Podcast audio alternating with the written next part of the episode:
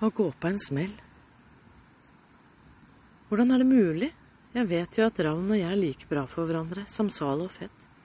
Det som er bra for den ene, er døden for den andre. Jeg klarer bare ikke å gi slipp på Ravn. Jeg sparker borti løvet som dekker gresset. De praktfulle trærne i denne parken gir slipp på bladene. Blader som har samme fargetoner som livsprosessen til en fysisk blåveis. Trærne gjør seg klar til vårens nye muligheter. Snart vil nye knopper våge seg frem. Jeg lar en annen solstråle møte meg som vakre stjerneglimt mellom bladene som fremdeles klamrer seg fast. Jeg bøyer meg ned og plukker opp en kastanje, og så en til. De er så fine. Jeg kjeler med de i hendene mine mens jeg tusler videre med en blanding av fortvilelse og håp. Jeg får øye på en kastanje til som fremdeles ligger fanget i sitt sprukne hus. Jeg plukker den opp og tar den ut av skallet, som om den er en baby jeg løfter kjærlig ut av dens vugge. Så vakker og ny. Litt som våren som byr på nye, herlige muligheter, tenker jeg med et sukk da jeg kommer på til snart av vinteren at jeg er alene. Du skal få være lykkekastanjen min, stryker jeg den kjærlig mens jeg fylles av uventet boblende glede. Jeg legger den i lommen. Det undrer meg at jeg aldri har hørt at noen har blitt skadet av en av de harde piggene på kastanjehusene når de raser mot sin skjebne. Egentlig burde det være større sjanse for å få en sånn i hodet enn å bli påkjørt av en bil. Deilig å kjenne en kastanje i hver hånd. Det kjennes godt. Som om livets nordnode er i ferd med å kalibrere en ny, god kurs. Et barneskrik minner meg på hvorfor jeg er i parken. Ravn er så fin. Jeg ville så gjerne være god med ravn i et liv som av og til gnaget på sjelen hens som en sulten rotte. Være god med og for ravn. Alt var så nært og ekte mellom oss. Jeg er synd på meg selv fordi jeg i det hele tatt går i denne parken. Den samme parken jeg kunne se fra vinduene til Ravn da parken var vår. Nå er jeg alene i parken for å se inn i vinduene til Ravn. Tenk om Ravn har funnet en annen? Jeg merker at jeg knuger kastanjene i hendene som om jeg knuger Ravn til meg. Ravn er mitt livs anker og sjelevenn. Det er som om vi har levd tidligere liv sammen. Som om vi alltid har kjent hverandre. Nå kan jeg forestille meg hvordan det er å miste en kjær og viktig kroppsdel. Det er bare det at jeg ikke mangler det. Men jeg føler sterkt at en viktig del av meg mangler likevel. Jeg vil være fri. Fri fra denne forvirringen som gjør meg til en spion i en vidunderlig park som byr på seg selv en vakker høstdag. Men tenk om det er meningen at det skal være oss to? Tenk om vi bare om Ravn bare ikke skjøv meg unna. Hvorfor stenger Ravn meg ute? Når jeg sier at det er enklere å ta imot med åpne hender, er Ravn helt enig. Mens Ravn lever med sinte, knytte hender som for å verge seg mot livet. Jeg merker at hodet mitt er blitt til et mørkt loft full av gamle tanker og skrot. Et sånt loft alle ungene er redd. Jeg forsøker å riste tankene av meg som en klissvåt hund med lopper. Før jeg når toppen av bakken, som vil være min bro like inne i leiligheten til Ravn, stopper jeg opp. Det er tredje gangen jeg er i parken denne uken. En park som er blitt fremmed for meg. En park langt unna mitt midlertidige hjem. Jeg klamrer om kastanjene mens jeg holder pusten. Det neste åndedraget blir et langt, ukjent magedrag. Det føles som om jeg fylles av luft for første gang på veldig lenge. Det er godt. Det kjennes som, kjennes som om den nye luften åpner veier til nye, frie tanker. Jeg bestemmer meg for å gå inn på kaffebar nede på hjørnet, og i samme øyeblikk føler jeg meg friere. Ja, som et tre som har gitt slipp på noen blader. Ja, Jeg føler meg som den første bobla som gjør seg klar til å komme først ut av champagneflasken. Ha-ha. Jeg kjenner at skrittene blir lettere, og jeg har nesten lyst til å løpe som en unge. Den kaffen de serverer der er sanselig god, altså. Jeg gleder meg. Jeg får tenke mer på Ravn og hvordan vi kan forsones mens jeg koser meg. Kanskje kommer Ravn tilfeldigvis innom vår gamle stampkafé? Jeg haster over gaten, som om mitt li nye liv begynner bare jeg kommer frem til kaffebaren, bare noen få meter unna. Plutselig eksploderer et stjernedryss av lys og lyder, som den gangen vi sendte opp raketter i Bygdøy allé. Like brått blir det helt stille, som en lang døs i en tåke over stille vann. Det første jeg hører, er en dump lyd i det fjerne, mens kroppen kjennes uvirkelig. Jeg hører en merkelig høy lyd, som fra en bil som bråbremser.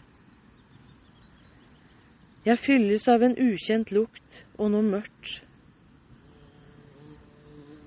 Jeg hører tåkete stemmer og sko som stepper i rask takt. Når jeg, når jeg lukker opp øynene, ser jeg inn i et mørke som lukter fremmed.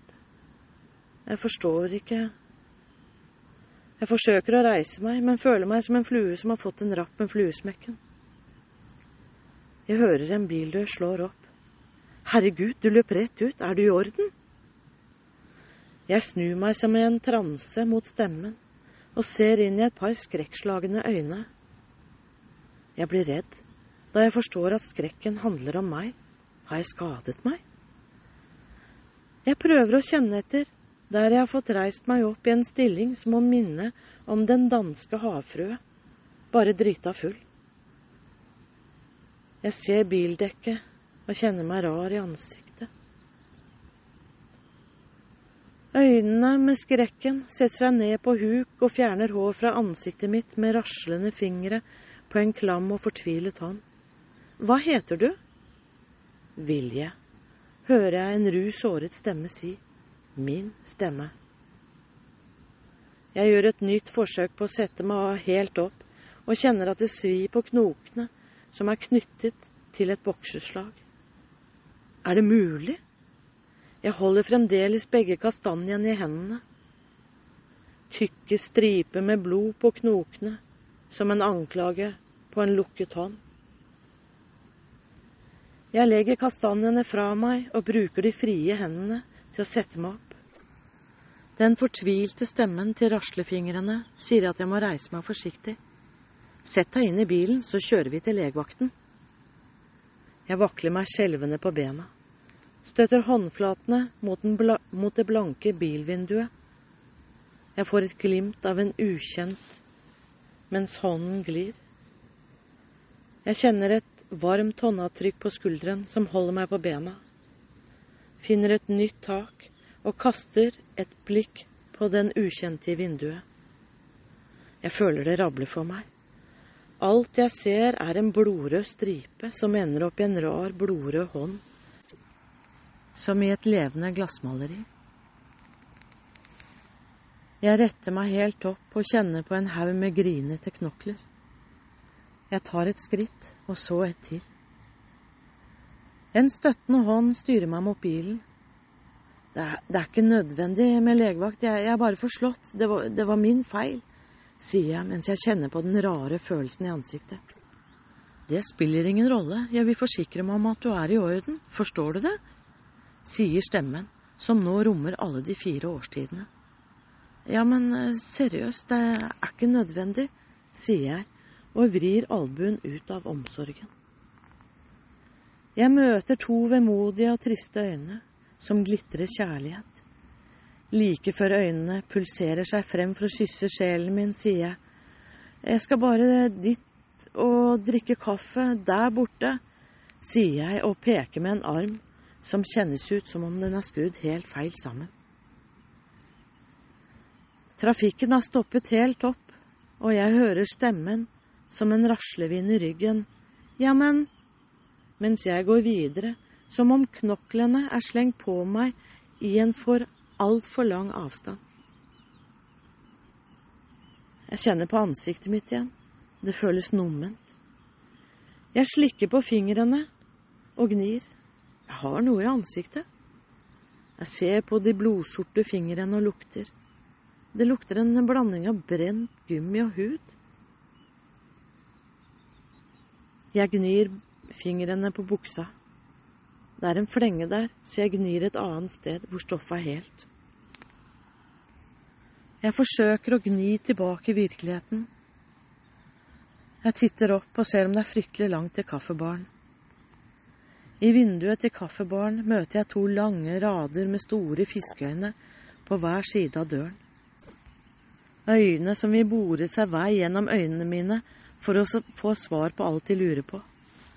Folk som for et øyeblikk siden var som fremmede for hverandre, ivrer nå i sensasjonelle samtaler. Jeg kjenner jeg sår i øynene. Idet jeg åpner døren til kaffebaren, spretter en høylytt promp ut av meg. De såre sprekkene på knokene overdøver skammen i meg. Det verker hele kroppen, og merkelig nok overdøver de alle de vonde følelsene jeg kjente i parken. Jeg som aldri har forstått meg på folk som skader seg selv, får et glimt av at den fysiske smerten kan lindre en enda vanskeligere smerte, den smerten det er umulig å sette plaster på. Som en unge som tar sine første skritt, stabber jeg meg frem til disken. Jeg ber om en caffè latte, men orker ikke å si jeg vil ha mye sukker. Da jeg sitter ved disken og titter ned i koppen, finner jeg hvile i hjertet som er laget av melkeskum. Jeg siger inn i hjertet og tenker på Ravn. Kanskje jeg skulle ringe? Dette er vel en god anledning til at Ravn vil møte meg. Det har jo skjedd noe. Jeg kunne ha dødd. Dette må være en bra mulighet. Kanskje vi blir kjærester igjen, tenker jeg håpefullt. Jeg blir glad. Et fjernt sekund. Gleden presses bort av buldrende følelser som tramper bort smerten i kroppen. Jeg er så sliten at jeg ikke klarer å stå imot presset fra sjelens kokong som er i ferd med å endre livet mitt, mens jeg er en tilskuer med glassøyne. Med ett ser jeg alt klart for meg. Min lengsel handlet aldri om ravn. Jeg gjorde meg avhengig. All omsorg og forståelse jeg har gitt Ravn, var en projisering av mitt indre. Slik jeg ønsket å møte meg selv, møtte jeg Ravn. Mens mine egne selvbebreidelser fra mine livets sår kapslet meg lenger og lenger inn. Alt jeg har gjort for Ravn, var sårene i meg selv jeg forsøkte å pleie og sette fri. Jeg kjenner at musklene i haken og leppen vibrerer sterkt. Sorgen som fyller meg, er så sterk at jeg har mest lyst til å gjemme meg bort i en krok og belje, som en unge som akkurat har forstått at mor er borte. En krok her inne. Jeg vet ikke engang hvordan jeg skal få kommet meg ned av barkrakken. Armene ligger viljeløse på bardisken, dandert som et hjerte rundt koppen med det urørte hjertet. Jeg merker fraværet av Ravn. Ravn ville ha røsket frem mobilen og sagt at jeg skulle sitte stille. Dette er det perfekte Facebook-bildet. Jeg kommer til å få tusenvis av likes. Jeg hører tri triumfen til Ravn i hodet, til tankene driver av sted som en fjert i en storm. Jeg forsøker å ta en slurk av kaffen, men ingenting skjer. Så begynner hendene og kroppen å skjelve. Tyngdekraften trekker meg mot gulvet. Jeg registrerer hektiske stemmer som om de er pakket inn i noe. Eller kanskje er det en sverm med bier? Jeg prøver å riste på hodet som å forstå, men jeg bare skjelver. Viljen er en barkebåt på første seilas ned elven der fjell, fjellenes smeltevann møtes.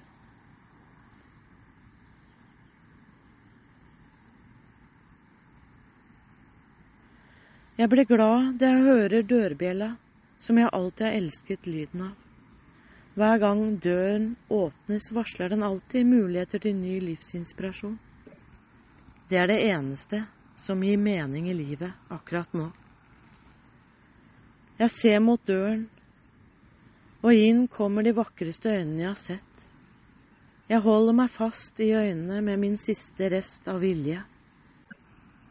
Øynene kommer mot meg i to lange, raske skritt og fanger meg opp like før jeg raser mot min skjebne. Jeg lander inn i et salig mykt mørke som dufter himmelsk, og kjenner en varm, kjærlig pust ved øret mitt hviske.